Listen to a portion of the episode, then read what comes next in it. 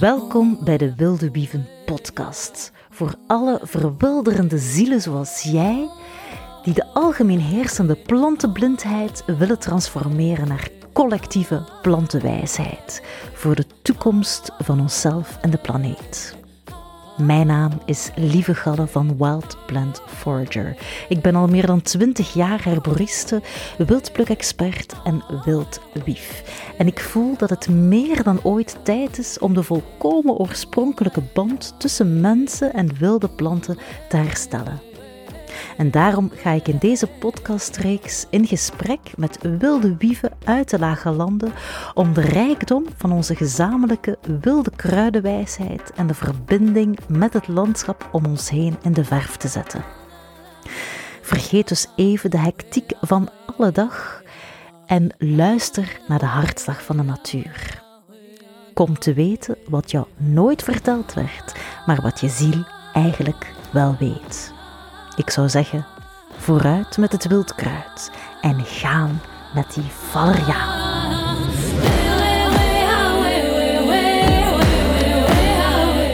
Dag lieve luistervink. Ik ben vandaag de gast bij Veerle Waterschoot. Zij is gezondheidsconsulent, ook aroma- en hydrolatentherapeut. Dag Veerle. Um, zeg, hoe is eigenlijk jouw groot avontuur met de, met de kruiden begonnen? Wanneer ben je ja, beginnen met planten werken? Dan mag ik eigenlijk al ver, ver teruggaan in de tijd. Um, ik ging nog naar de Maniora als ik toen al aan mijn ouders vroeg of ik die een grote moestuin hadden, of ik één of twee of drie beddekjes mocht hebben voor mijn tijmplanten. Heel veel tijm voor mijn salieplant.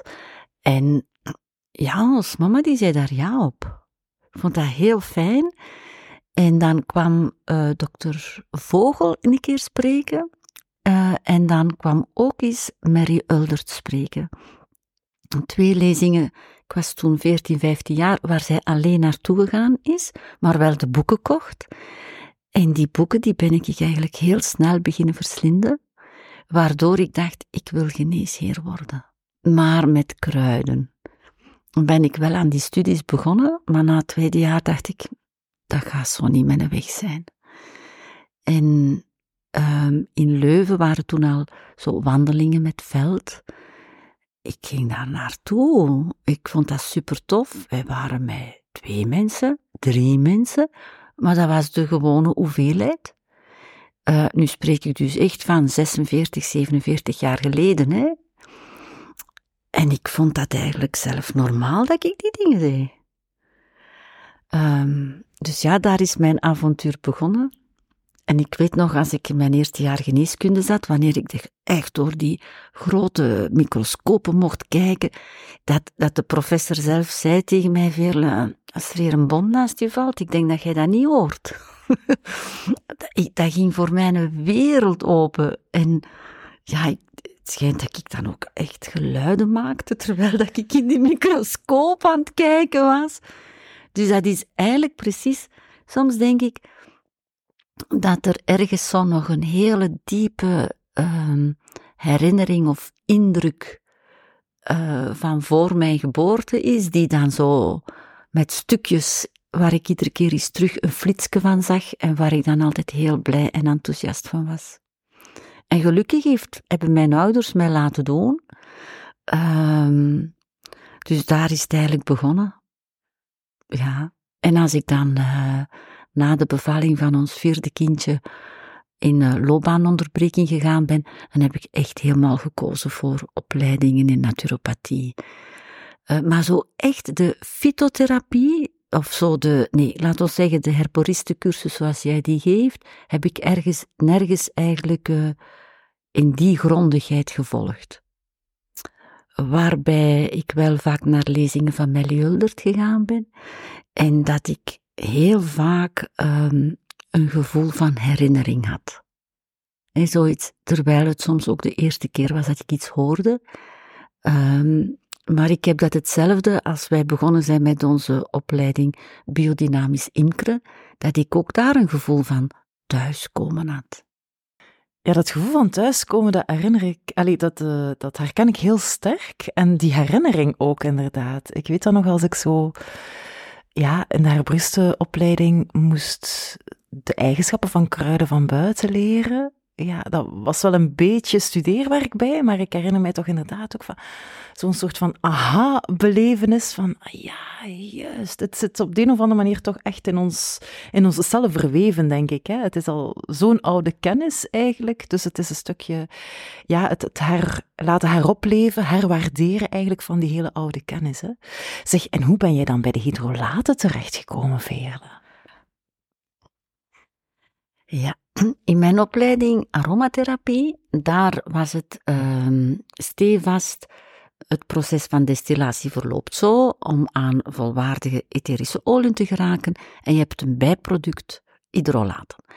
En ik, ik heb net dit weekend, heb ik ook nog les gegeven en heb ik daar gehoord dat dat eigenlijk nog in bepaalde lessen zo gepresenteerd wordt. Dat is een bijproduct. En dat is, dat klopt in zekere zin, maar met die definitie ga je er natuurlijk niet aan de slag mee. Hè? En ik had de, op een reis in de Provence had ik enkele hydrolaten meegebracht, omdat ik daar wel de, de waardering voor de hydrolaten bij die distillateur zag. En ik dacht, ja, dan heb ik, dan heb ik wat. Hè? En nu spreek ik zo van een, een 15, nee, laten we zeggen 12 jaar geleden zo dan had ik een paar klanten en die, die, die zeiden zelf zo van, goh Veerle, dat is toch wel iets sterk, die etherische oliën. Ik zeg, ja, dan kun je verdunnen, hè. je gaat in plaats van een druppel een veeg nemen. Hè. Maar, en, ik, en bij een van die, van die personen, was een vrouw, zei ik, weet je, ik heb nu een lavendelhydrolaat mee. Werk daar dan eens mee. We zetten daar een spraykop op, in plaats van een druppel etherische olie lavendel op je laken, ga je dat eens sprayen. Ja, die was, die was fantastisch. Die, dat was voor haar de weg. En dan later, want die, die komt hier trouwens nog, zei ze, de, moment dat mij veel rust gegeven was, was als de diagnose hoogsensitief gebruikt werd. Zo, hè, en daar herkende ze zich helemaal in. Nu, ik heb dan ook met het lavendelhydrolaat op mijn laken gespreid en ik had zoiets van, Goed dat zij daar zo tevreden over is, maar geef mij maar mijn etherische olie lavendel. Hè. Ik had die voeling er zelf niet zo mee. Maar op haar aanvraag en zoeken kwamen er meerdere hydrolaten, hè, die ik dan ook aan haar kon doorverkopen. En dat triggerde mij wel, dat ik op een bepaald moment uh, zei, ik ga daar eens een korte syllabus van maken en toch ook een keer dat presenteren met een stuk of twaalf hydrolaten die ik wat beter begon te begrijpen. En op dat moment was, want ik, ik, ik typ maar met twee vingers en dat begint ook vlot te gaan, maar mijn, onze jongste, onze zoon, die was toen thuis herstellende van klierkoorts. En dat was een heel langzame opbouw, um, waarbij dat als zij eens iets kon doen, al was het maar een uurtje, dat gaf toch al een beetje meer voldoening van zijn dag. En hij kan blind typen. En ik zei, ik zeg, goh, Quinte, wilde jij dan typen? Ja, ja, graag, hè, allee. En die was aan het typen en opeens zei hij, mama, zou dat iets voor mij zijn dan? In plaats van die, die baden met etherische oliën, want hoe laag ik ook doseerde, die kwam daar soms een beetje bezweet en misselijk uit. En ik dacht, blijven volhouden, dat die kleerkoorts uit uw lijf geraakt. En uh, die nam toen een bad met 100 milliliter Ravintsara hydrolaat. En dat had hem zoveel deugd gedaan. Echt verkwikt. Ik dacht, ja, dat ga ik nu ook doen, hè. Ik voelde daar niets van. Maar ik zag wel het resultaat bij hem. Dus ik was ook helemaal op die etherische oliën, dat was echt mijn ding, mijn enthousiasme. En ik ontwikkelde iets te weinig, zo, hoe voelt het? Wat ik wel merkte, was hoe zacht mijn huid was na dat bad. En dat is dus 100 milliliter hydrolaat. Ja, dan, allee, dat, natuurlijk had ik wel goede dingen opgemerkt. Dan, uh, was hier een kapster en die had gehoord van, uh, dat je een beetje shampoo gebruikt in combinatie met hydrolaat. Ja, ik heb hier allemaal staan, laat er mij ook eens mee beginnen. Ook weer zo'n positief resultaat. En dan heb ik zo gezegd, ik ga dat beginnen verzamelen. Hè. En ook lectuur daar rond gevonden, uh, vooral uh, Engelstalige en Franstalige uh, literatuur. Dan ontzettend veel briefjes verzameld, maar wat is ontzettend veel? Toch ruim 400 ja, aantekeningen, hè, die dan eigenlijk vanuit de praktijk waren. En uh, ja, om een duur is dat echt een fascinatie geworden. En de laatste fascinatie is van, van in de coronatijd, van dus echt, uh, ja, blijven in uw kot. Ja, dat gingen we niet doen. We gingen dan in het veld, we gingen nog meer wandelen. En dan, ja, die wilde planten beginnen plukken en destilleren. En dan. Het is een fascinatie, het is een enthousiasme, het is een thuiskomen, het is, het is uh, heel veel dankbaarheid. Het is zo een mooi product. ja. Prachtig hoe je het verwoordt. Echt, oh. ja. Het, het, is een hele verrijking. Hè? Um, misschien moeten we nog eens heel kort ook uitleggen voor de luisteraar. Ja, zo'n hydrolaat. Wat is dat eigenlijk? Want het bestaat eigenlijk uit twee delen, hè, het woord hydro en le van melk. Van, waar komt dat eigenlijk? Kan je dat nog even uitleggen? Van waar het woord komt, dat is uh, snel uitgelegd. Maar ik zou, ik zou graag want ik heb het nu onlangs ook eens voor de eerste keer zo uitgelegd en dat deed mijzelf ook wel goed. In de zin van, als je historisch bekijkt, komt de destillatietechniek, want je hebt een hydrolaat alleen door destillatie, komt die techniek, is die al heel lang bekend en het is dan uh, Avicenna die het geoptimal, allez, verbeterd heeft en dan is het eigenlijk hier via de Arabieren, via Spanje, Allee, is het eigenlijk hier, heeft het hier ook ingang gevonden. Dat is eigenlijk de techniek uh, die dan hier ingang vond. Maar in de middeleeuwen was dat destilleren, dat was ongelooflijk populair omwille van de, de waarde die ze dan hadden om met planten te werken. En dat is zo mooi als je zo ziet hoe dat zij dan eigenlijk beschrijven dat zij via een destillatieproces de geest van de plant uit de materie kunnen halen. En je ziet soms zo van die afbeeldingen, zo met een geest die uit een fles komt. Hè?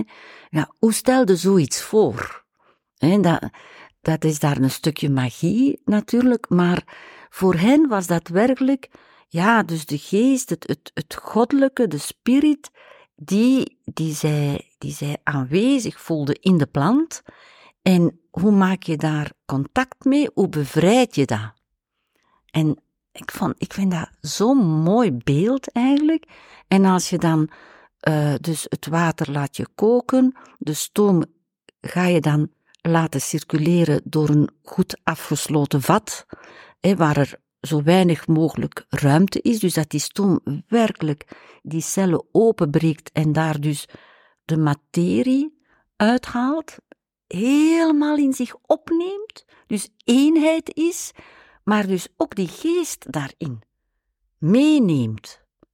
En dan laat men door een koeling die stoom uh, passeren, dat koelt af en je ziet dus beetje bij beetje dat, dat gekoelde, die gekoelde stoom een soort waterachtig resultaat geeft, dat er melkachtig uitziet, maar uiteraard heel waterig is. Dus het is hydro en het ziet eruit als le, dus het hydrolaat. Hè?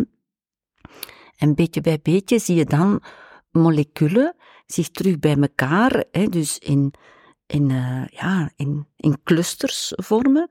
En degene die zich vrijmaken uit het waterige, dat zich dus beetje bij beetje als een oliemolecule gaat gedragen, dat drijft erboven en heb je de etherische olie.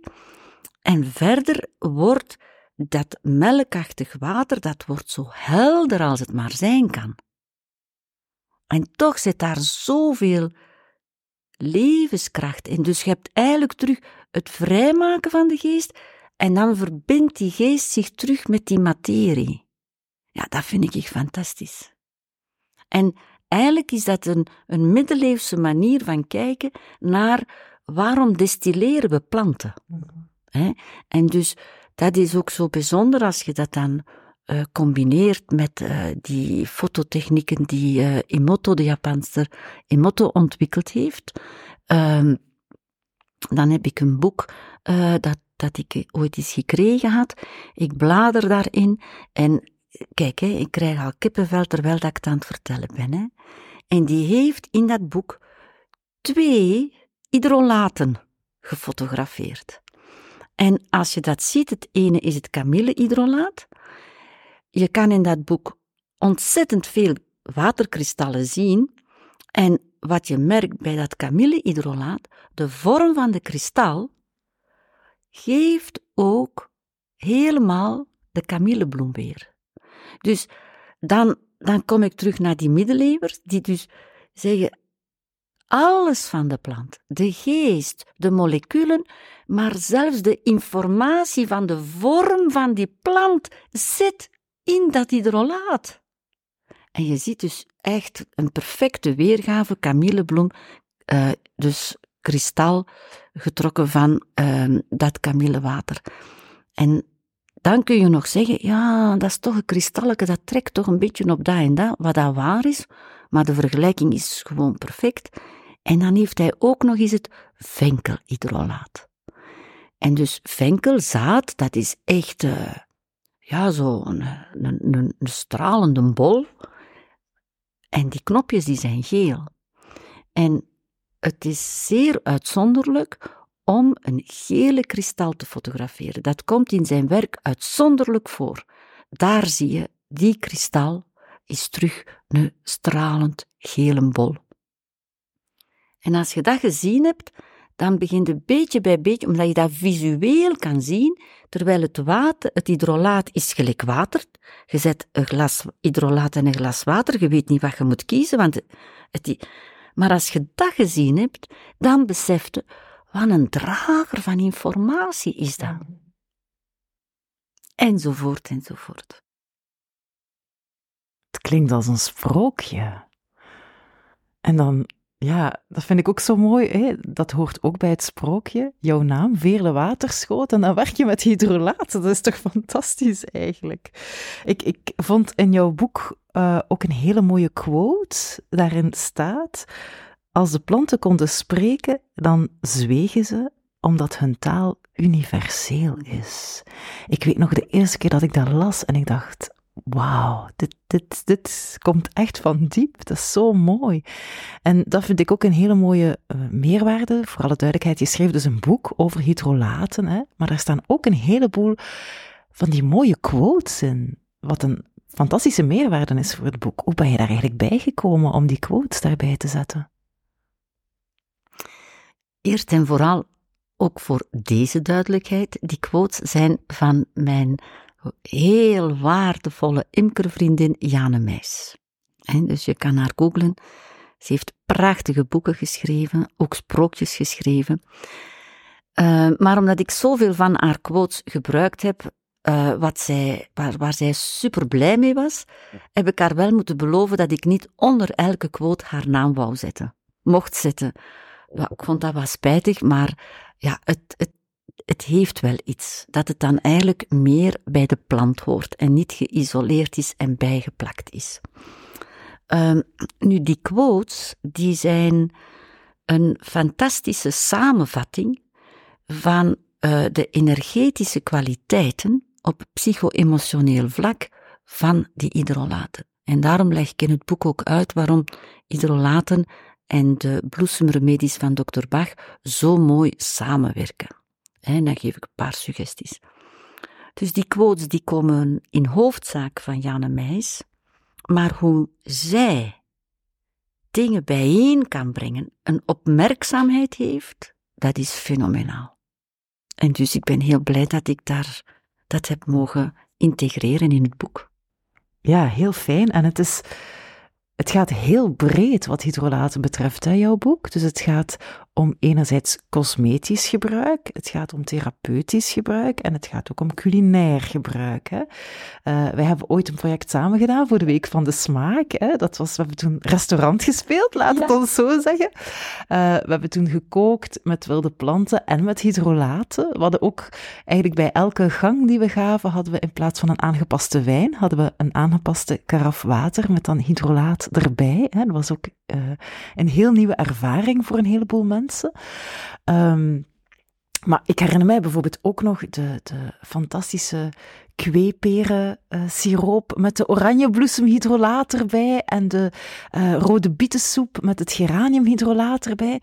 Ook op culinair vlak hebben ze zoveel te bieden. Het is me eigenlijk een raadsel waarom dat dan nog niet meer gebruikt wordt in de culinaire wereld. Want dat biedt zo een enorme smaak. Ik was daar echt van verbaasd de eerste keer dat ik zo water dronk. En dat is dan één glas water met, met ja, nog niet eens een koffielepel uh, hydrolaat van dender in. Het was eigenlijk alsof dat je Retsina-wijn drinkt, maar dan zonder de wijn. Het is echt ongelooflijk eigenlijk, wat voor smaken en ook geen vlakke smaken, maar smaken die echt opgebouwd zijn. Je blijft telkens nieuwe dingen proeven, nieuwe aroma's die na elkaar komen. Ik, ik, ik vind ze zelf ook fantastisch om ze in de keuken te gebruiken. Ja, dat is zo. Waarom wordt dat op ja, groter, uh, breder niveau in verschillende restaurants en zo nog niet zoveel gebruikt? Ik denk onbekend is onbemind. En je, je moet eigenlijk ook weer een beetje duiken in die materie. Ondertussen is er zo'n gigantisch aanbod van keukens over heel de wereld. Um, gaat het ook over veel technische dingen. Hè, uw groenten kunnen bijbranden of uh, macereren of, of in de assen en, en al die dingen die visueel sterker opvallen.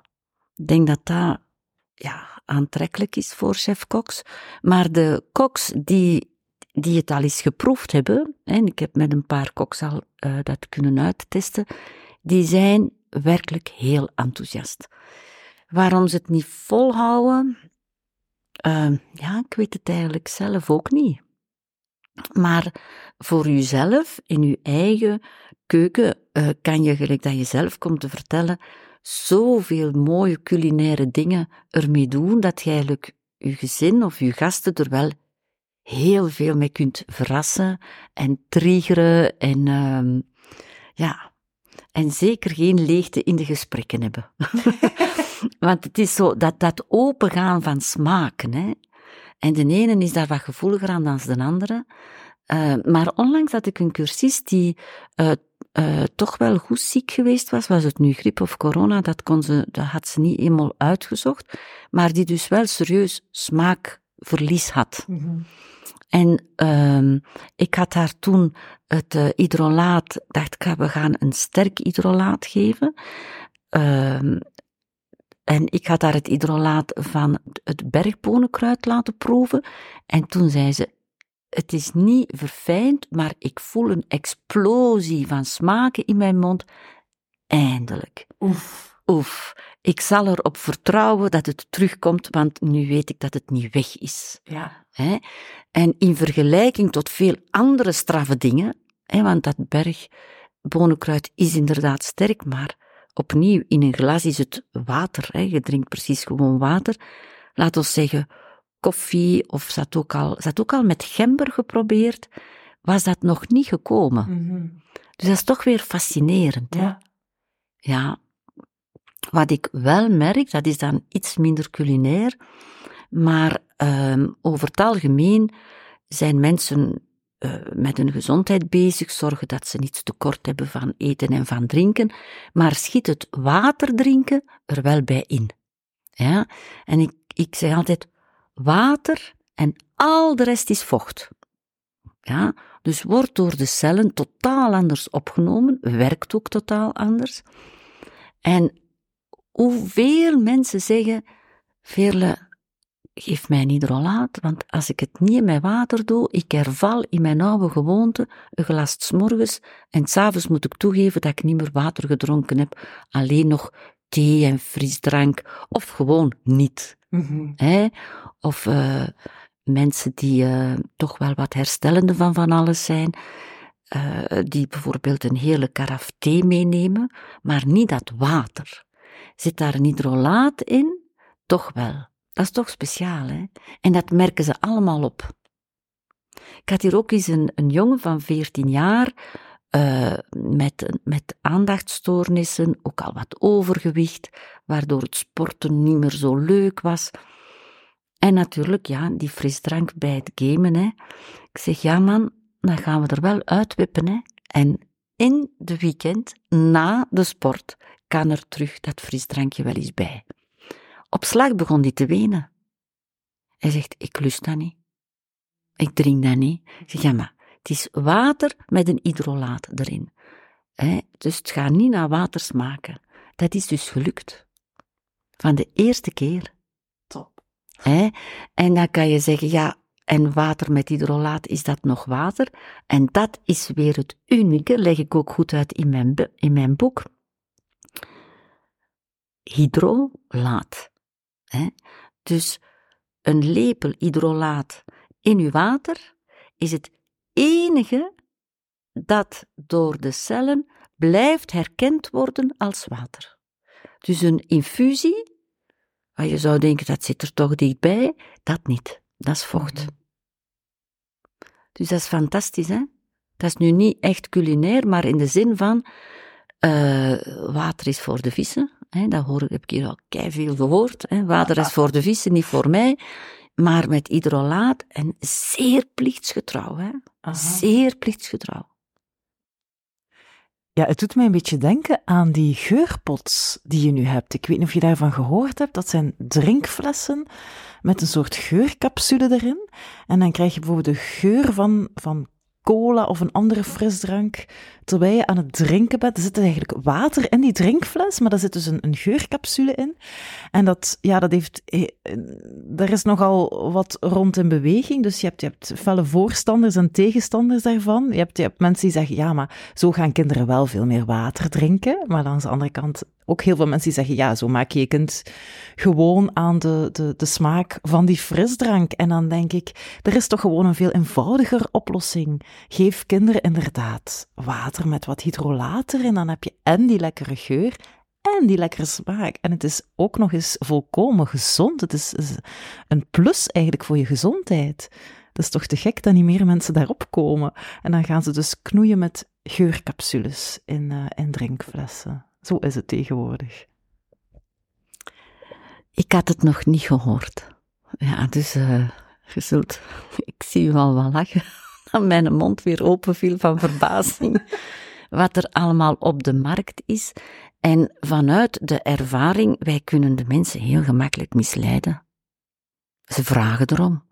Ze hebben kritiek, maar ze hebben erom gevraagd. En wat zij vragen, dat maken wij. Mm En ze zijn weer vertrokken ben ik, ik zou het eens moeten ruiken, maar eh, of het nu goed is of niet, maar het, het, gewoon het mhm. idee, hoe zijn ze toch weer zo creatief erop gekomen, hè, dankzij de luiheid van de mensen, hè, die natuurlijk stimuleert tot creativiteit. zo hebben we wellicht de stofzuiger uitgevonden. de wasmachine. De, de, al van die dingen. Maar het voelt een beetje als misleiden. En daar ga ik al een beetje, ja, nee, niet met mij, denk ik dan. Mm. ja, terwijl, ja, wat zit er allemaal in die hydrolaten? Ontzettend veel stoffen die wateroplosbaar zijn, maar door het stoomproces gaan dus de moleculen nog verder en verfijnder even elkaar lossen, opgenomen worden in die stoom, nadien terug ketens vormen en elkaar vinden of in een variante elkaar vinden, maar dat zijn zoveel waardevolle stoffen voor ons systeem. Het, is, het wordt heel vaak vergeleken met een homeopathie van de aromatherapie. En als ik een aantal hydrolaten bestudeer, kom ik daar ook wel een beetje de homeopathische werking van eenzelfde plant in tegen. Hè? Dus dan denk ik, wauw, als dit de kinderen willen drinken, als dit de volwassenen willen drinken, en niet met een neus dicht, maar graag, waar zijn we dan een hele stap verder? Kan je eigenlijk van elke plant een hydrolaat maken? Ja, eigenlijk wel. Kunt jij ook een komkommer distilleren? Aha. Eh, eigenlijk kun je dat wel doen, maar ja, eerst en vooral, je gebruikt dus weer veel plantenmateriaal. Dan is het toch, ik denk dat, uh, dat je, ik heb nu toevallig komkommer gezegd, maar dat je met een komkommer toch verder geraakt door hem te eten, hè, of er een bereiding mee te maken. Maar, uh, ja, ik ben dus, sinds dat ik vorig jaar de weegbree gedistilleerd heb, ik ben zo enthousiast over die weegbree, Ah. hydrolaat. Maar uh, ja, hoe gaan we die weegbree gaan benutten met die mogelijkheden die hij biedt als hydrolaat? Je kan hem drogen, je kan hem, uh, ja, je zult er nog meer dingen mee weten, je kan hem wat snipperen in je sla. Maar die concentratie en dat vrijkomen van zoveel stoffen, om het dan verdund in te nemen of te verstuiven, mm-hmm. uh, ja, dan denk ik dat is wel de moeite om die planten te destilleren. Maar ik denk in theorie, dus je leert, de meeste mensen komen destillatietechniek tegen in de lessen aromatherapie, waar je dus aromatische planten destilleert en je dus ook een vrij aromatisch hydrolaat hebt. Die weegbree, of die brandnetel, of die heermoes, dat, is niet, dat zijn geen aromatische planten. Dus uiteraard gaat dat hydrolaat een zekere geur hebben naar planten, maar je hebt daar geen aromatische moleculen in. Um, maar het is, ja, het is um, zeker de moeite. Ja, ik ben daar zo enthousiast over dat we dus een heel aantal planten in onze omgeving kunnen destilleren. En dan is het wel, denk ik, de moeite om, uh, om dat te doen. Dus het is een beetje afwegen. Ga, wat wil ik bereiken? Wat biedt dat plantenmateriaal? Mm -hmm. En is in dit geval het. Uh, en je kan van weegbree ook bij Salus, die hebben het verse sap mm -hmm. van de weegbree. Ook super. Uh, drink totaal anders van smaak. En ga je iets minder bij kinderen verkocht krijgen. um, ja, dan, we, we zetten veel planten in.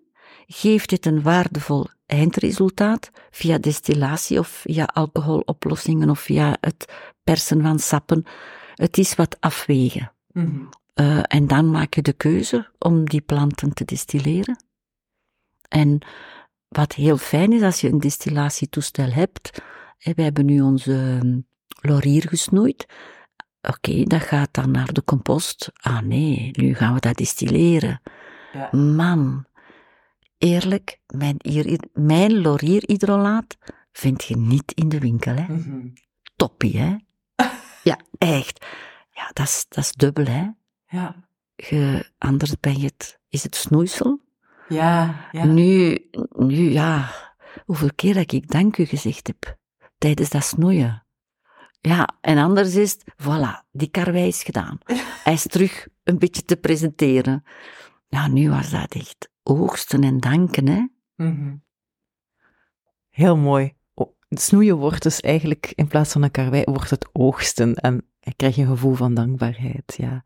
Zeg, en wat doe je bijvoorbeeld met zo'n weegprehydrolaat? Waarvoor ga je dat gebruiken? Waarvoor pas je dat toe? Wel, zoveel ervaring heb ik nog niet in de brede zin, maar ik ga eerst vertellen wat wel mijn ervaringen zijn. Um, en ik verstuif dan het hydrolaat. Ja, daarvoor heb ik een klein toestelletje, het Mystilia-toestelletje. Uh, ja, dat kan ik u nu niet laten zien in deze podcast. Maar um, het is een toestelletje dat dus de, het hydrolaat in een zeer fijne nevel ver, uh, ver, verstuift. Maar het is klein, je kan het vlak onder de neus houden. Het is dus geen groot toestel. En um, omdat ik een beetje, ik, we hebben dus nu ondertussen vijf kleinkindjes tussen drie jaar en zeven maanden. Ze hebben allemaal de winter doorstaan. Iedereen weet dat het een pittige winter was, dus ze hebben allemaal hun verkoudheden gehad, hun hoestbuien gehad. En ik heb dan met het uh, Mystelia-toestelletje het hydrolaat van Weegbree verstoven. En dat was fantastisch om te zien hoe zij spontaan, want dat jongste is uh, zeven maanden, dus leg maar uit dat het moet inademen, maar hoe dat spontaan gebeurde. Dus zij zoeken dat op met de neusje, ze sniffen zo kort na elkaar en dan kan ik het al afzetten. En als je dan de luier ververst, dan doe je dat weer een keer. En als ze al in een bedje liggen en je doet dat nog een keer. Dus je doet dat gemakkelijk tien keer op een dag. En dat is dus echt een, uh, ja, sowieso is weegbree gekend in andere fytotherapeutische bereidingen als hoestmiddel, maar hier ook. Nu, wat is de meerwaarde als je een hydrolaat gebruikt, dat zij tegelijkertijd ook vocht binnenademen? En, um, en dus wat je hebt, zeker in de winter, de longen verdrogen wat, hè, uh, waardoor die kleintjes, ook ik heb het hier ook bij ons kleinkindjes gemerkt, waardoor die soms zo'n beetje, je hoort die ademen, je hoort die zo precies, zo van, ik ga nu niet zeggen astma, maar zo wel een beetje dat de dingen aan het vernauwen zijn. Mm hè.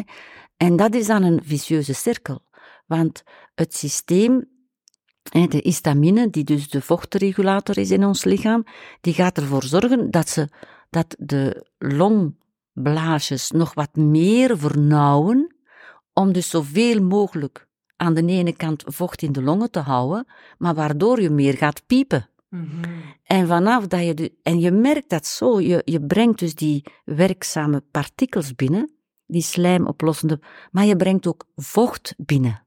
En het piepen was, was nagenoeg direct gedaan. Hè? Dus je, je, je, calculeert dat wat in en als je dat moet aanzetten, dat is zo met een opladertje, als je dat moet aanzetten, het is eigenlijk het ultrasontechniekje dat daarin zit. Hè? Dan gaat er een lichtje aan en uh, ja, dat helpt ook al voor die kleintjes. Hè? Dat, dat, dat lichtje en ze willen er naar pakken, dus ze komen dicht genoeg. Maar eigenlijk gaan ze bijna instinctief dat inademen. Zo mm -hmm. echt dat binnentrekken. Ja, dus dat is heel, heel goed. Bovendien, een van de stoffen die in het weegbrehydrolaat rijk aanwezig is, is het kiezelzuur. Is ook rijk aan vitamine C, ook zo'n wateroplosbare vitamine. Dus je krijgt nogal wat mee. Ook de kalium krijg je mee. Um, het, het, ja, het komt direct gewoon in de cellen. Dus ik heb daar eigenlijk, en dat vond ik dan wel heel tof, dat ik van bij ons een waardevol alternatief had ten opzichte van ja, de Ravinsal, Ravinsara of de Thyme of dennensoorten, uh, ja, onze veld, uh, weegbree. Hè. Als ik zo een beetje rond de signatuur van weegbree opzocht, dan, um, en, en je merkt dat ook als je in de wei loopt, hè, je loopt over weegbree, uh, gras gaat langer plat blijven dan de weegbree. Dat is een heel veer, veerkrachtige blad eigenlijk, veerkrachtige plant. En als we dan even terugkoppelen naar wat Emoto fotografeerde, hè, dan zouden we ook kunnen zeggen, ook die kwaliteit, die geest van de weegbree, neem je mee in het hydrolaat, de veerkracht. Hè? Dus ja, dat wensen we toch elk jong leven toe. Hè? Iedereen, maar dat je toch zegt, ja. kom mannetjes, hè? die noes die heeft u platgelegd, maar kom aan. En dus die veerkracht, die geef je dan mee. Ja. ja. Ik denk niet dat ik het mij inbeeld, ik heb het ook veel zien gebeuren. Ja, en het brengt ons eigenlijk bij, bij iets volgens. Hydrolaten zijn inderdaad, je gaf het daarnet ook al aan, zijn heel vaak um, ja, heel positief voor die groep mensen, uh, of die groep, ja, die, die bijvoorbeeld moeilijk etherische olie kan gebruiken. Hè? En inderdaad, die jonge kinderen, etherische olie, we weten dat, zeker niet allemaal zijn geschikt. Sommige zijn maar geschikt en dan ook nog in natuurlijk aangepaste dosering.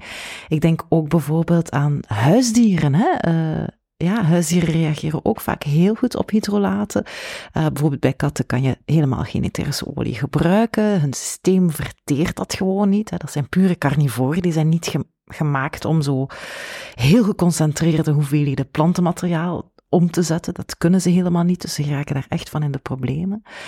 Um, ja, ook inderdaad die gevoelige mensen. Hè? Uh, dat merk ik bij mij ook heel vaak in de lessen. De mensen die er naartoe komen, zijn heel vaak, en bij mij in de herbaristenopleiding was dat ook heel vaak zo, de, ja, de... In die tien jaar dat ik les heb gegeven aan de herbaristenopleiding, heb ik dat gezien. De mensen die die opleiding volgen, zijn heel vaak bij kruiden terechtgekomen, omdat ze eigenlijk eerst reguliere middelen namen, maar daar te gevoelig waren aan bijwerkingen. Dat is heel vaak hoe dat mensen bij kruiden terechtkomen. En zeker de hydrolaten. In mijn ervaring, ik heb er nu dankzij jou ook al een aantal jaren mee gewerkt, ze zijn enorm krachtig en heel zacht tegelijkertijd. Dat is eigenlijk echt als je, uh, ja, als, als we hun eigenschap zouden moeten omschrijven, is het echt die twee ineen gecombineerd. Hè? Die kracht en die zachtheid. Hè? Dus dat, dat vind ik heel mooi aan die hydrolaat, hoe dat, dat in verschillende doelgroepen kan bereiken op een ja, aromatherapeutische manier die je niet bereikt met de, de etherische oliën. Ja, dat is zo. Dus als je mij vroeg, waar is uw, uw begin van hydrolaten, dan is dat bij die vrouw uh, die zo gevoelig was. Hè. En voor mij was toen die vorm van hooggevoeligheid, want nu zijn we er allemaal wel mee vertrouwd, maar dat was nieuw.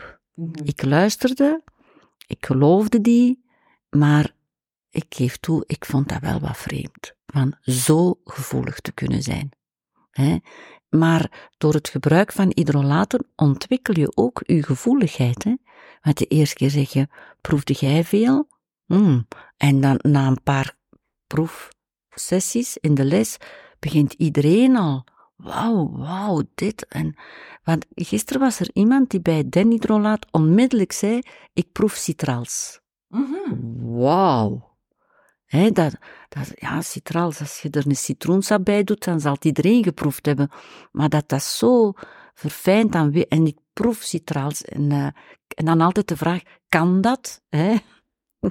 Als je dat proeft, dan is dat zo. hè. Dus naar die, en ook dieren, hè, was ook uh, een cursist. En um, zij, had al ongelooflijk veel poezen geadopteerd, maar dan altijd waar de staart af was, waar er een pootje geamputeerd was, zo, die soort poezen. En dan ook een poes die waar er iets met het huigje in de neus was en heel rap verstopt was, dus dat wat wij dan sinusitis zouden noemen. Maar die poes die liet zich al uh, met zo'n speciaal verstuifpipetje behandelen met water met zeezout. Dus dat kon zij al toedienen aan die poes.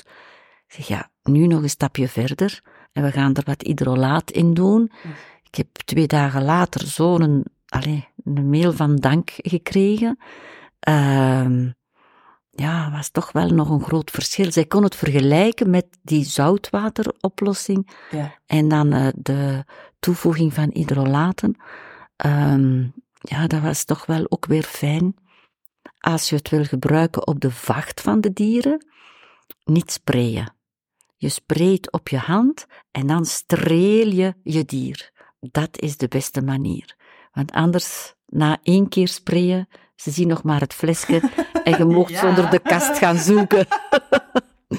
eh, uh, maar ja, het is wel...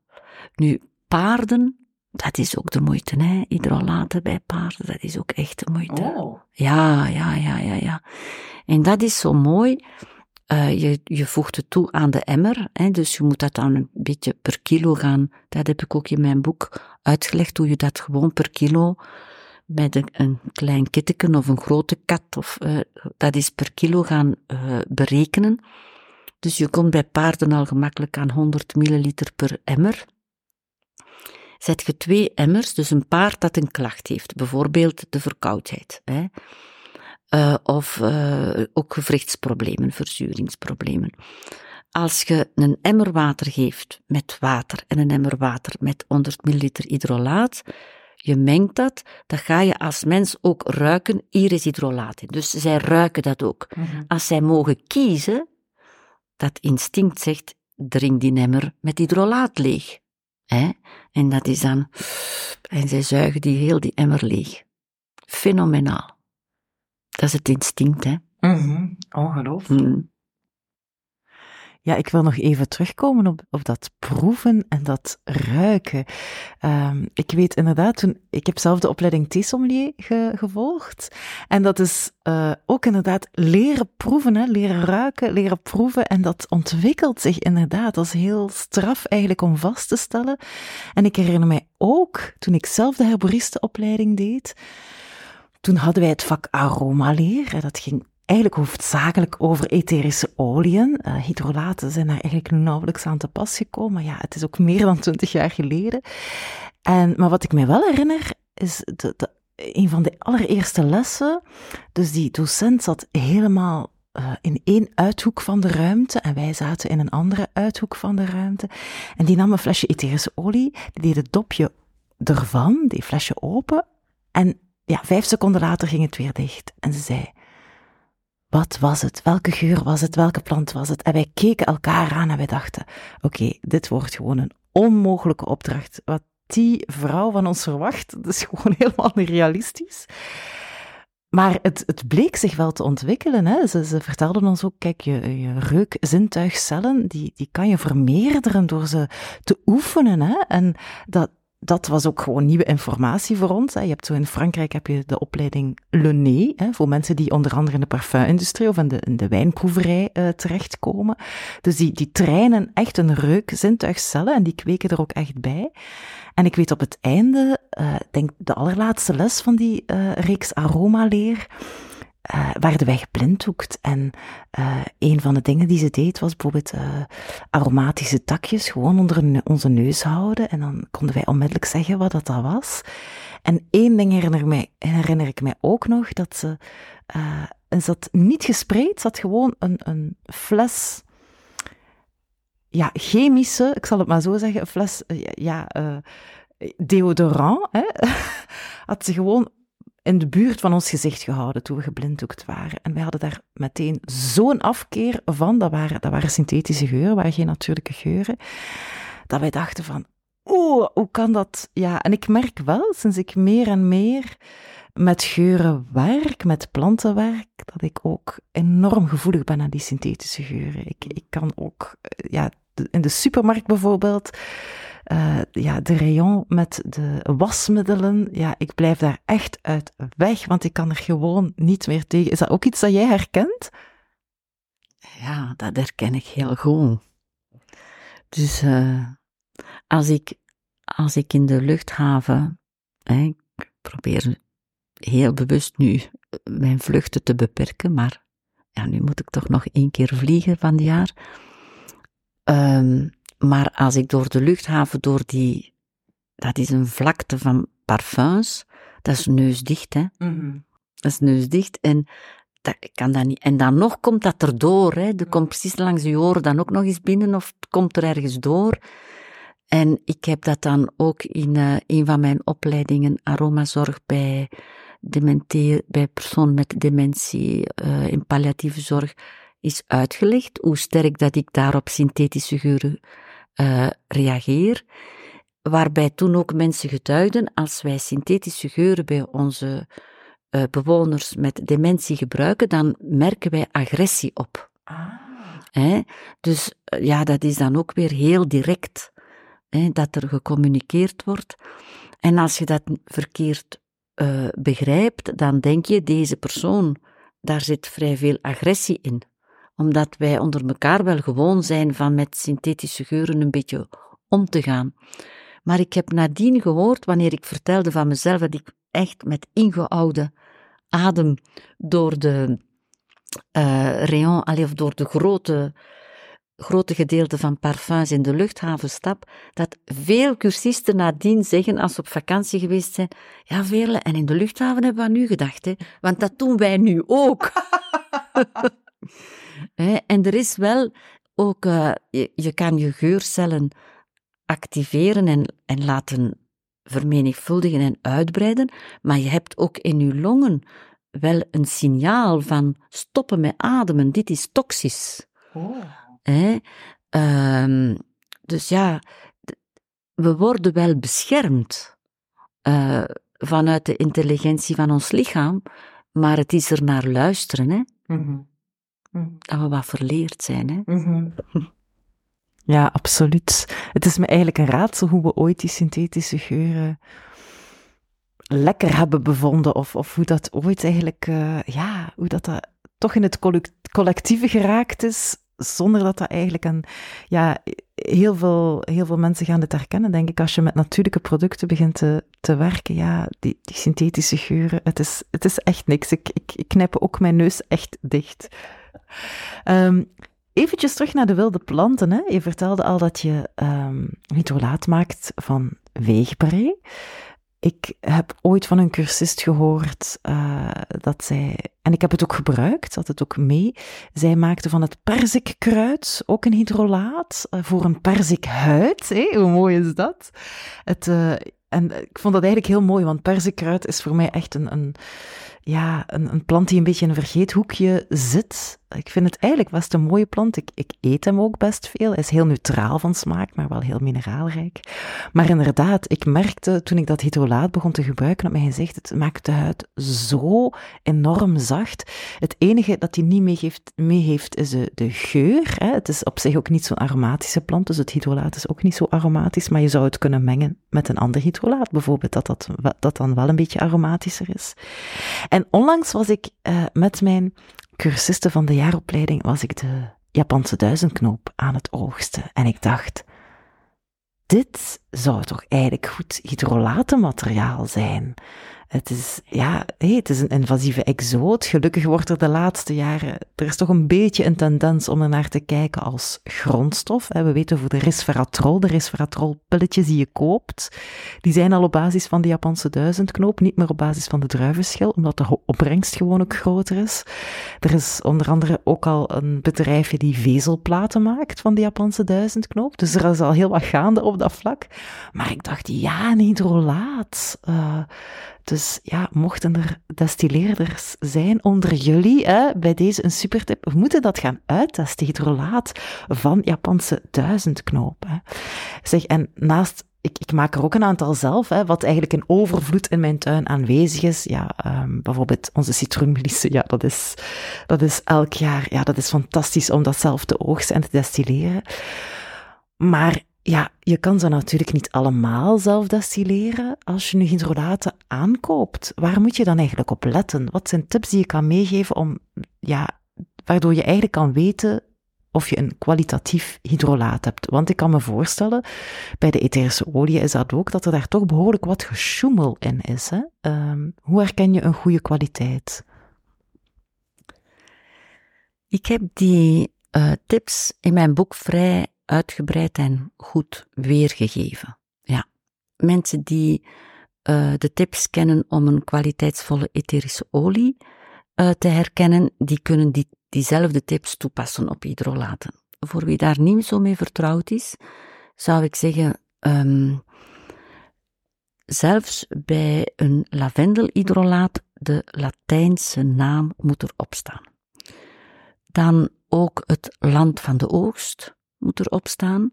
En er moet op staan uh, hydrolaat uit destillatie. Mhm. Ja, want je kan heel wat geurwaters maken, dat eigenlijk um, water is waarin een bepaalde geurstof met alcohol is opgelost. Ja, en dat noemt dan een geurwater of een bloemenwater. Nu, er mag gerust bloemenwater lavendel staan, maar op het etiket staat dan ook gedistilleerde plant. Dus dat woord destillatie, dat is de voorwaarde waarop, waar, wanneer we pas van een hydrolaat spreken. Mhm. En dat moet op het etiket vermeld staan. Mhm.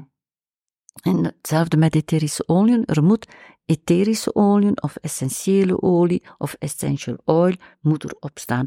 Niet uh, geurolie. Mm Dat niet. Of vluchtige olie. Nee, er moet echt dat opstaan. Ja? Um, dus dat is eigenlijk, dat geeft al een goede kwaliteitsgarantie. Nu, zeker pakt nu korenbloem bijvoorbeeld, en dat gaan we ook hebben met hydrolaten uit de, uh, de wilde planten uit onze regio, die niet aromatisch mhm. zijn. Daar is eigenlijk het probleem de houdbaarheid, omdat het minuscule deeltje uh, wateroplosbare etherische oliën wel mee zorgt voor de bewaring. En ook de pH zorgt mee voor de Mhm. bewaring. Dus dat hebben we niet bij korenbloem, wat toch een fantastisch eh, hydrolaat is voor oogzorg. Dat hebben we ook niet bij de weegbree, bij de calendula, de goudsbloem, de heermoes. Dat zit daar allemaal niet in. Ehm, waardoor, commercieel gezien en totaal begrijpbaar, er vaak een percentage alcohol in zit, als bewaarmiddel. Mhm. Zijn dat slechte hydrolaten? Zeker niet. Maar dan ga je ze niet voor oogzorg gebruiken. Voor inname wordt het, ja, in feite kan het, maar ik ben toch wat voorzichtiger. Mhm. Maar als lotion of voor in uw eigen gemaakte crèmes kan dat wel. Mhm. Hè? Ehm, en vooral een gamma dat verschillende hydrolaten heeft, gaat ook van de bloemen, zoals roos en oranjebloesem, vaak een hoog kwalitatief hydrolaat hebben.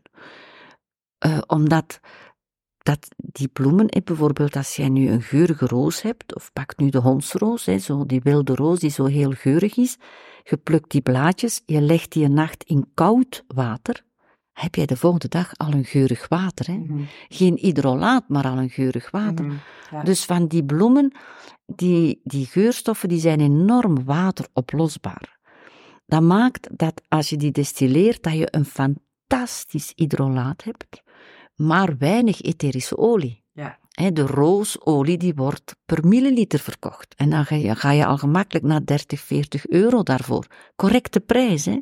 maar een grote, een hoge prijs.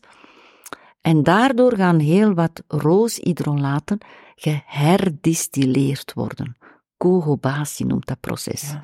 Waardoor de distillateur meer etherische olie heeft. Maar dan is natuurlijk uw rozenhydrolaat, dat verzwakt wel. Mhm.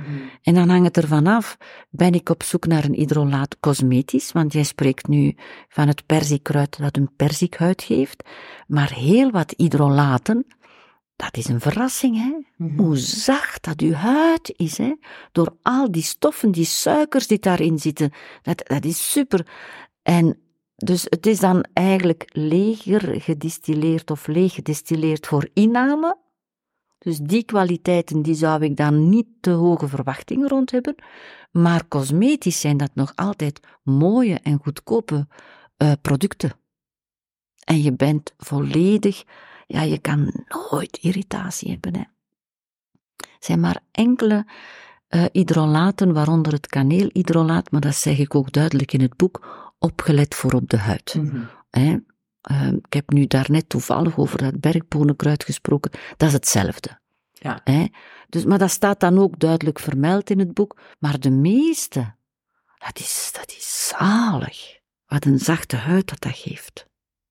Ook al zijn ze wat leeg gedistilleerd, zoals een roos of een oranjebloesemhydrolaat. Dus ja, met die referentie... En dan heb je nog de verpakking, hè. De verpakking. Dus er is nu een, een aantal merken zijn nu serieus aan het overschakelen naar aluminiumflessen. Mhm. Ehm, wat is daar de voornaamste reden, wat ze ook zeggen? Een totale, een enorme vermindering van gewicht in transport. Hè. Dat is fenomenaal. hè. Als je een karton hydrolaten in glas verpakt, dat voel je, hè. Mhm. Ehm, dus je betaalt zeer veel transport voor het glas. Zonde. Persoonlijk vind ik dat nog altijd de beste verpakking. Hè, het donkere glas. Ja. Eh, dan wordt er ook gezegd, ja, als dat in die spuitflessen is, daar kan geen bacterie in komen. Ehm, ja, maar je moet toch ook de vraag over het aluminium stellen, vind ik. Mhm. Mhm. En, maar het is superlicht, hè. Dus dat is dan... Ja, ja je hebt hier veel natuurlijk betrokken partijen bij het eindproduct, hè. en eh, de distillateur. Maar het is wel zo, vind ik, een goedkoop hydrolaat bestaat eigenlijk... Allee, een, een hydrolaat voor 3, 4, 5 euro. Als het bestaat, dan heeft de distillateur niet de nodige erkenning voor zijn plukwerk, zijn groeiwerk, zijn distilleerwerk niet gekregen, Mhm. vind ik wel. Mhm. En hoe bewaar je ze dan best eigenlijk? Eh, zet je ze in de koelkast? Uh, zet je ze op kamertemperatuur? Uh, ja, wat zijn daar eigenlijk de parameters waarop dat we moeten letten? Hier ga je verschillende adviezen horen. Um, een hydrolaat dat je ook mag innemen. Uh, als je daar controle op krijgt, dan krijg je controle van de voedselinspectie. Een hydrolaat dat voor cosmetische doeleinden is, dan ga je in de cosmetica, dan, dan heb je eigenlijk nooit een probleem voor de voedselinspectie. Voedselinspectie gaat zeggen, oei, zo'n grote waterige bestanddelen, of nu zeggen, ja, maar die pH speelt mee, die aromatie. Nee, daar luisteren ze niet naar. Ze hebben hun richtlijnen en dan ga je bijna altijd richting frigo gaan. Mm Ja, als particulier niet nodig. Hè. Um, er zijn twee belangrijke adviezen die ik kan geven. Probeer uw hydrolaat op een koele plek te zetten. En voor een persoon, voor ons mensen, is 16 graden, 17 graden. Hoger dan zou ik niet gaan, maar dat is nog een koele plek. En het belangrijkste voor het hydrolaat is een constante temperatuur. Dus als jij zegt, ik heb een kast waar de zon niet op schijnt, die hangt ook niet naast boven mijn oven, dat is eigenlijk een relatief koele plek. Als ik daar een bord uithaal, voelt dat koel, dan mag je het daar gerust in bewaren. Heb je dat nergens, dan zal het toch de frigo worden. Maar hydrolaten zijn zeer gevoelig, ook, ah, etherische olie trouwens ook, aan oxidatie. Dus als jij een hydrolaat gebruikt hebt in een fles van 200 milliliter, er is nog 50 milliliter over en je zegt, ik heb het er even mee gehad. Hè? En je laat dat zo een half jaar staan, dat is af te raden. En dat hoort ook bij de bewaring. Ja. Dus giet die 50 milliliter in een zuiver, hè, goed proper gewassen, misschien zelfs even afgekookt. Hè. Je kunt toch maar heel goede voorzorgen nemen. Giet dat in een bokaaltje van 50 ml en dat bewaart weer een jaar. Mhm. Ik heb hydrolaten, ik heb hydrolaten die drie, vier jaar over de verkoopdatum zijn en nog zeer, zeer goed. Mhm. Ik ga wel zeggen, en hoe, dus dan, dan meet je dat hè, met een pH-meter, zeer, zeer goed. Hoe is het dan met de vitaliteit, met het etherische, met het levenskrachtprincipe? Ze ruiken nog aangenaam, terwijl ik een hydrolaat niet op geur uh, evalueer, maar wel op kwaliteit van inname of huid. Maar ja, logischerwijs gaat dat toch wat achteruit gaan, denk ik. Mm dat vibrationele, dat die, die frequentie, die gaat toch wat achteruit gaan. Maar eigenlijk heb ik goede hydrolaten goed bewaard. Ik, ik ben dus nu met twee hydrolaten aan het testen en ik heb er één van 2012 zitten we nu toch al elf jaar verder en eigenlijk ga ik dat nog niet wegdoen. Mm En dan test ik met één koffielepeltje zo. Ik wil dat gewoon eens observeren. Heeft wel een lage pH, het is het ciste hydrolaat, dus dat is wel een van de laagste pH's. Dus dat, dat blijft goed. Ja. maar ik zorg er wel goed voor. Mhm. En ik, uh, dat ga je zeker niet met de meeste hydrolaten kunnen doen, maar probeer een constante frisse temperatuur en zie dat als je het flesje doorgebruikt, dan zakt het natuurlijk, maar je gebruikt het door en je gebruikt het door, geen probleem. Zeg je, nu staat het even aan de kant, zie dat het, uh, de hoeveelheid en de verpakking, dat dat elkaar mooi aansluit. Oké, zeer bruikbare tips hier. Zeg, je, je sprak daarnet al over je zoon, hè, hoe hij dan in bad, uh, als hij herstellende was van klierkoorts, hoe hij daar een hydrolaat in deed. Uh, heb je zo nog een voorbeeld uit de praktijk waarbij, dat je, waarbij dat eigenlijk de hydrolaten jou met verstomming geslagen hebben, waarbij je zegt, dit is nu echt een praktijkvoorbeeld waar, waar de hydrolaten het verschil hebben gemaakt voor iemand. Is er zoiets dat je voor de geest kan halen? Um, ik heb eigenlijk heel wat mensen die die super dankbaar zijn dat ze de hydrolaten hebben leren kennen voor hun gezondheid. Uh, een van de redenen is, nu drink ik eindelijk water. Hè?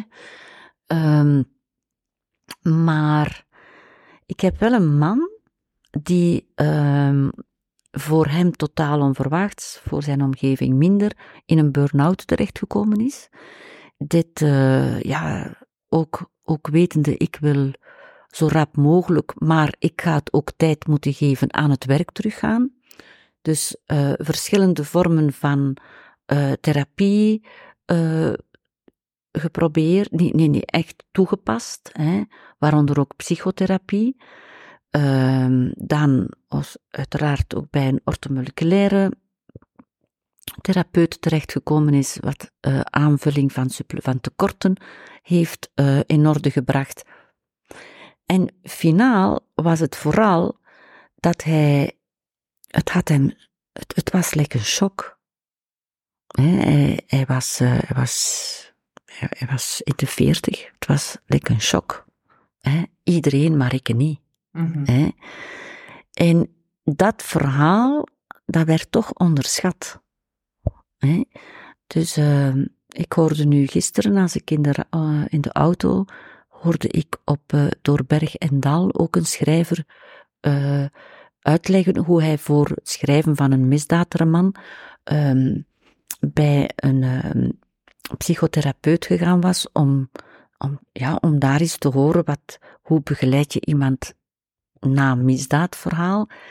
En die dus werkte met uh, wetenschappelijke hypnose. En zo kwam hij daarmee in contact en ontdekte hij voor zichzelf uh, waarom hij eigenlijk zich vaak zo uitputte voor erkenning en ook in relaties voor zo graag gezien te worden. En kwam hij terug op een ervaring dat hij als vier of vijfjarige jongen uh, lekkende aders had, waar men toen nog nagenoeg machteloos naar stond. En dat hij dus als vier, vijfjarige jongen maanden in een glazen kooi geliefd heeft en zijn ouders aan het glas mochten komen wuiven. Mm. Maar hij, hij had daar amper herinneringen van. Maar via die psycho- en hypnotherapie kwam dat terug naar boven. En uh, wou hij uitleggen hoe sterk dat onze cellen zo een, een spanning van raak mij aan. Hè? Dat, dat dus, en dat gaf hem zicht op, op zijn levensverhaal. En dat was ook bij die man, die, alleen je zag die vooruitgaan, uh, maar die ervaring van ik ben in een burn-out beland, dat was eigenlijk een continue shockervaring. Dat woord alleen al, hè, als ik dan zei, ja, en hoe ver staat er nu in uw opbouw uit een burn-out, dan zag je dat al aan die ogen. Eigenlijk dat iemand het woord kankerdiagnose, dat woord, dat, dat, dat doet heel, heel veel. En dan zijn we daar toch eens op uitgekomen en dan zei hij, ja, zegt hij, ik denk dat dat een trauma is. Ik denk, als ik klaar ben om te gaan werken, dat ik, dat dat, dat zo een zwaard van Damocles boven mij hangt, dit nooit meer. En hij, en hij voelde dat hij daarom niet in die ontspanning kon geraken. En dan heb je een prachtig hydrolaat, dat, uh, dat eigenlijk op zo'n shockverwerking uh, inspeelt. Natuurlijk, het moet, het, het moet aan de orde zijn. Zeker hè, bij zo iemand die zo'n een herstelproces gaat, en dat is het oranjebloesemhydrolaat. En hij zegt altijd, Veerle, dat heeft er mij doorgetrokken. Nu, ik weet dat dat veel ruimer is. Maar in zijn gevoel, uiteraard had hij al ongeveer heel veel opgebouwd, maar in zijn ervaring, in zijn gevoel, heeft dat dan finaal de doorslag gegeven. Mhm. Ondertussen heeft hij zijn uh, zeer goed betaalde job opgezegd en is hij ook burn-out coach ondertussen. Mooi. Werkende met hydrolaat. Oh. Ja, ja. Maar dat, dat, dat heeft mij zo geraakt, ook die oprechtheid daarin. Uh, en het is een man. Ik wil zeggen, uh, ja, maar die zijn analytischer. En het moet werken of het werkt niet. Hm. En het werkt. En voilà, het werkt. Hè, zo. Dus ja, vind ik wel een mooi verhaal. En hetzelfde rond oranjebloesemhydrolaat was in de cursus. En er was iemand, en, uh, en die was net oma geworden. En ik zei tegen haar, ik zeg, ik had toch verwacht van u meer te zien stralen. Hè, zo. Uh, hij zei, ja, zegt ze, maar ik ben super blij, maar het is een huilbaby. En mijn zoon is over zijn toren aan het geraken, die slapen niet. Eh, ik heb schrik voor, voor de mama, maar ja, die moet nog niet gaan werken en zo. En, uh, en ik zei, weet je, we zien elkaar volgende week. Ik geef u oranje bloesemhydrolaat mee. Spray op dat rugje, spray op die voetjes. Volgens mij, hè, onze eerste traumatische ervaring is bij iedereen de geboorte, hoe mooi ze ook mag verlopen, onder water, boven water, maakt niet uit. Het is uh, toch altijd fantastisch hoe dat, dat eigenlijk allemaal kan.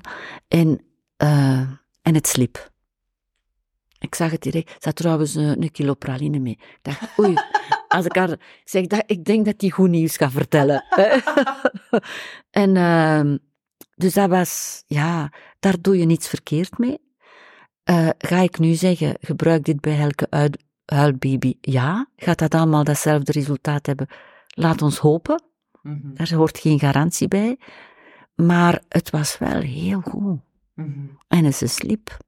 Hè? Ze zegt, ja, ik denk dat mijn zoon daar niet voor open staat. Ik zeg, ik denk dat hij wanhopig genoeg is. Hè?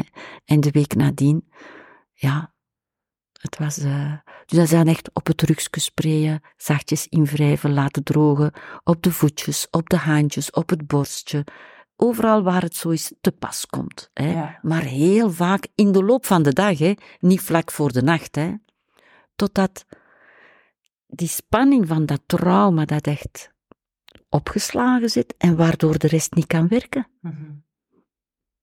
Zijn, is dat een goed voorbeeld? Dat is een heel mooi voorbeeld, ja, ja. En heel praktisch ook. Ja, we kunnen het ons allemaal voorstellen, denk ik. En uh, ja, het is, het is een heel praktische houvast ook, inderdaad, die oranjebloesemwater. Uh, ja, ja.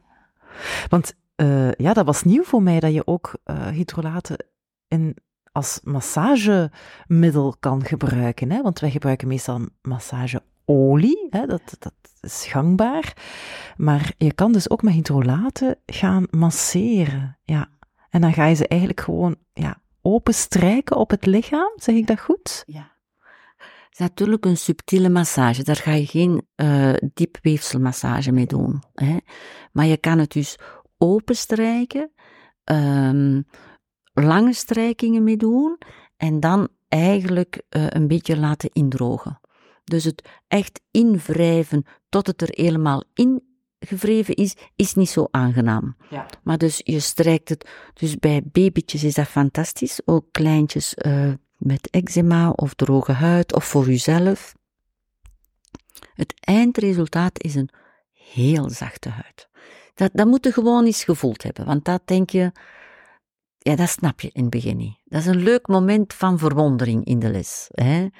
Um, maar een ander leuk moment van verwondering is als ik, als ik dan wattenschijfjes mee heb en als ze dus eens kunnen zien hoe diep reinigend zo'n lotion is. Hè?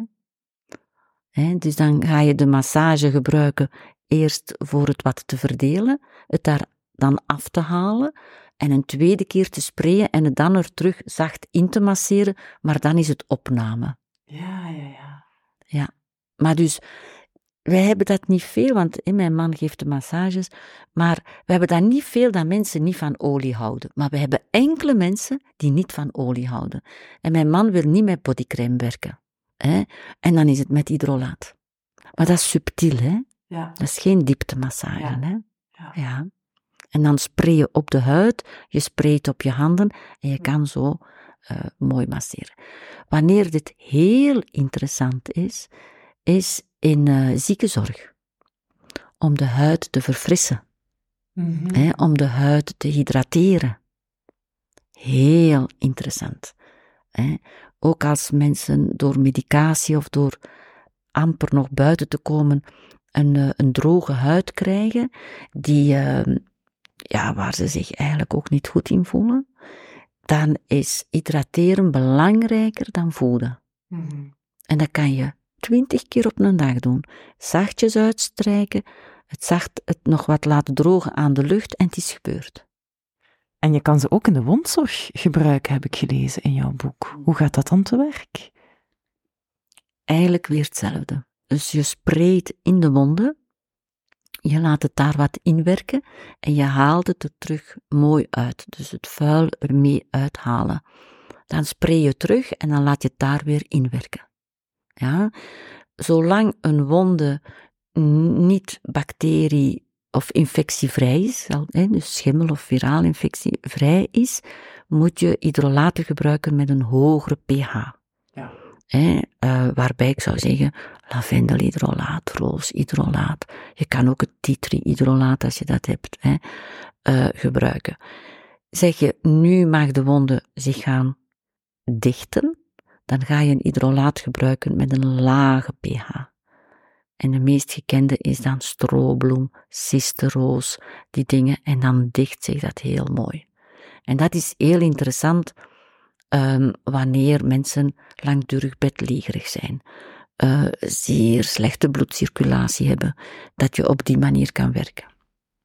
Een supertip die ik van jou leerde, uh, en dat is echt, iedereen staat daar versteld van wat voor effect dat dat heeft. Dat is het, het sprayen van op de huid van pepermunt hydrolaat als het heel warm weer is. Hè. Ik heb dat eigenlijk als er hittegolven zijn, heb ik dat standaard mee voor mijn cursisten tegenwoordig.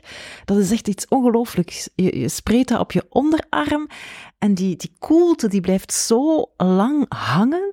Uh, het is ook fantastisch om het bijvoorbeeld uh, op je oorlelletjes te sprayen. Dan, ja, dan, dan blijft dat, dat, verkoelende effect is net nog groter, lijkt het wel. Ja, dat vind ik echt een fantastische. Ik heb het gewoon standaard in huis. Uh, een keer dat het zomer wordt, pepermunthydrolaat. En je hebt soms echt hittegolven dat je, dat je voelt dat je gewoon ongemakkelijk aan het worden bent, omdat het zo warm wordt, dat je de warmte ook niet meer kwijtraakt. En dan is zo'n pepermunthydrolaat weg fantastisch. Ik kan het echt iedereen aanlaten. Er gaat nu een hele rush zijn op uh, de pepermunthydrolaten, maar het is echt, dit is echt de moeite waard. Dit moet je eens ervaren hebben, wat voor langdurige verkoeling dat dat biedt aan je lichaam. Dat is echt iets ongelooflijks. Ik ben je daar elke zomer dankbaar voor, voor die tip, Veerle. Dus ik wil hem zeker nog verspreiden, dat, dat veel mensen dit kunnen, uh, kunnen toepassen. Zeg, Veerle, um, het is een vraag die ik aan al mijn uh, gasten stel. Heb jij ooit te horen gekregen van, ja, als je vroeger geboren was, dan was je waarschijnlijk op de brandstapel geëindigd? Stel jij dat aan iedereen? Ja. Oh, ik heb uh, de podcast met Martien gehoord en daar heb ik het gehoord, maar ik had mij niet verwacht dat ik het op die vraag ging krijgen. Uh, ja, ik heb een tijd als nummerplaat op mijn auto F-E-E e gehad. Fee.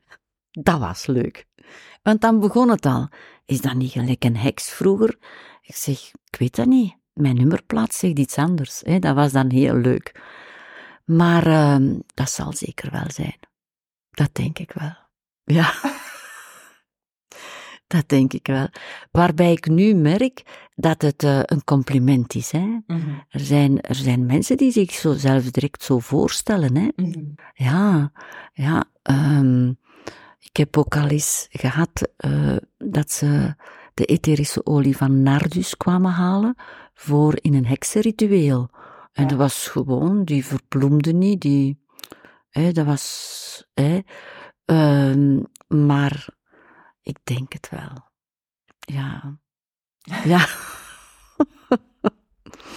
ja, moet toch vreselijk geweest zijn, hè? Ja. Ja. Ja. Er zijn nogal wat studies hè, rond hoeveel mensen er vroeger toch als heks verbrand geweest zijn. En dat is veel meer voorgekomen dan dat we ons zouden kunnen inbeelden. Ja, ja, ja. Mm -hmm. Ja ik vrees wel dat ik, uh, dat ik even uh, daar zou beland zijn. Ja. Toch wel fijn dat we in deze tijd leven en Veerle. Uh, ik, zou er, ik zou er ook op beland zijn, sowieso. Ehm, zeg, hoe kunnen mensen meer te weten komen over jouw werk? vertel eens, heb jij een website? Waar kunnen we jouw boek aanschaffen? Vertel eens. Wel, ik ben op pensioen. Ja, maar door allerlei omstandigheden ben ik een beetje verplicht van te blijven werken. En die verplichting, die verwelkom ik, want ik kan mij niet inbeelden dat alles wat ik in al die 35 jaar verzameld heb, dat ik dat nu met de volgende papierophaling ga meegeven. En sloes gedaan. Um, dus mijn, uh, mijn website, die ik momenteel heel beperkt onderhoud, maar die er wel nog is, is www.cian, c i a n-be.com.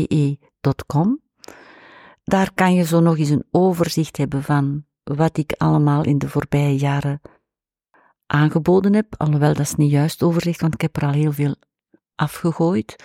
Waarom hij niet zo actueel is, is omdat, omdat ik eigenlijk, ja, ik krijg voldoende aanvragen, zodanig dat ik momenteel heel weinig zelf organiseer. Hmm.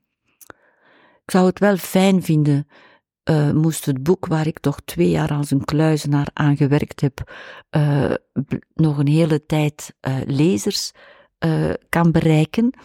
En dat kan je bij mij bestellen, veerlewaterschoot at skynet.be of ook het e-mailadres dat je op de website vindt.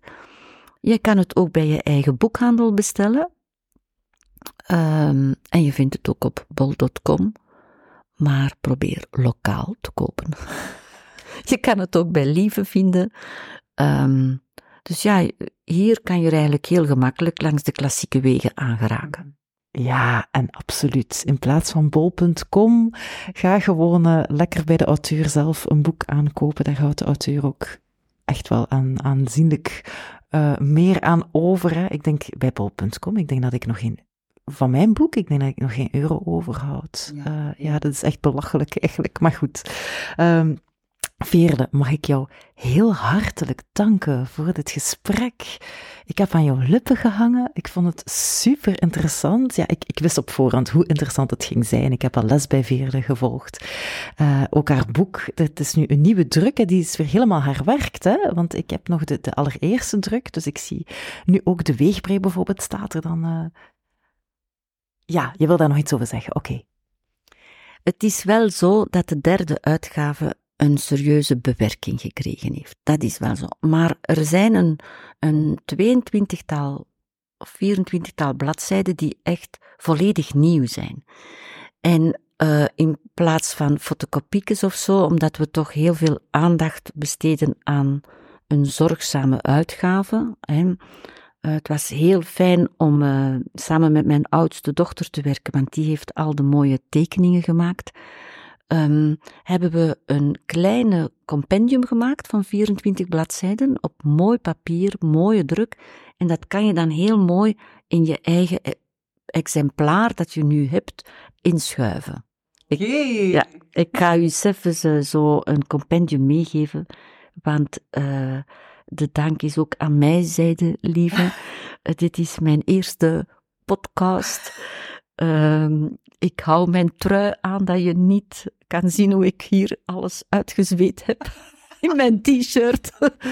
um, maar ja, um, het was toch wel een mooie uitnodiging om de hydrolaten uh, wat meer in de wereld te krijgen. Ja, en ik denk dat we dat inderdaad vooral moeten blijven doen, hè, want het zijn heel waardevolle, krachtige en zachte geesten uit de fles. Ik zal het zomaar uh, afronden. Hè. Dank u wel, Veerle. Dank u aan jullie om te luisteren. Lieve luistervink, fijn dat je er weer bij was. En tot paardenbloems.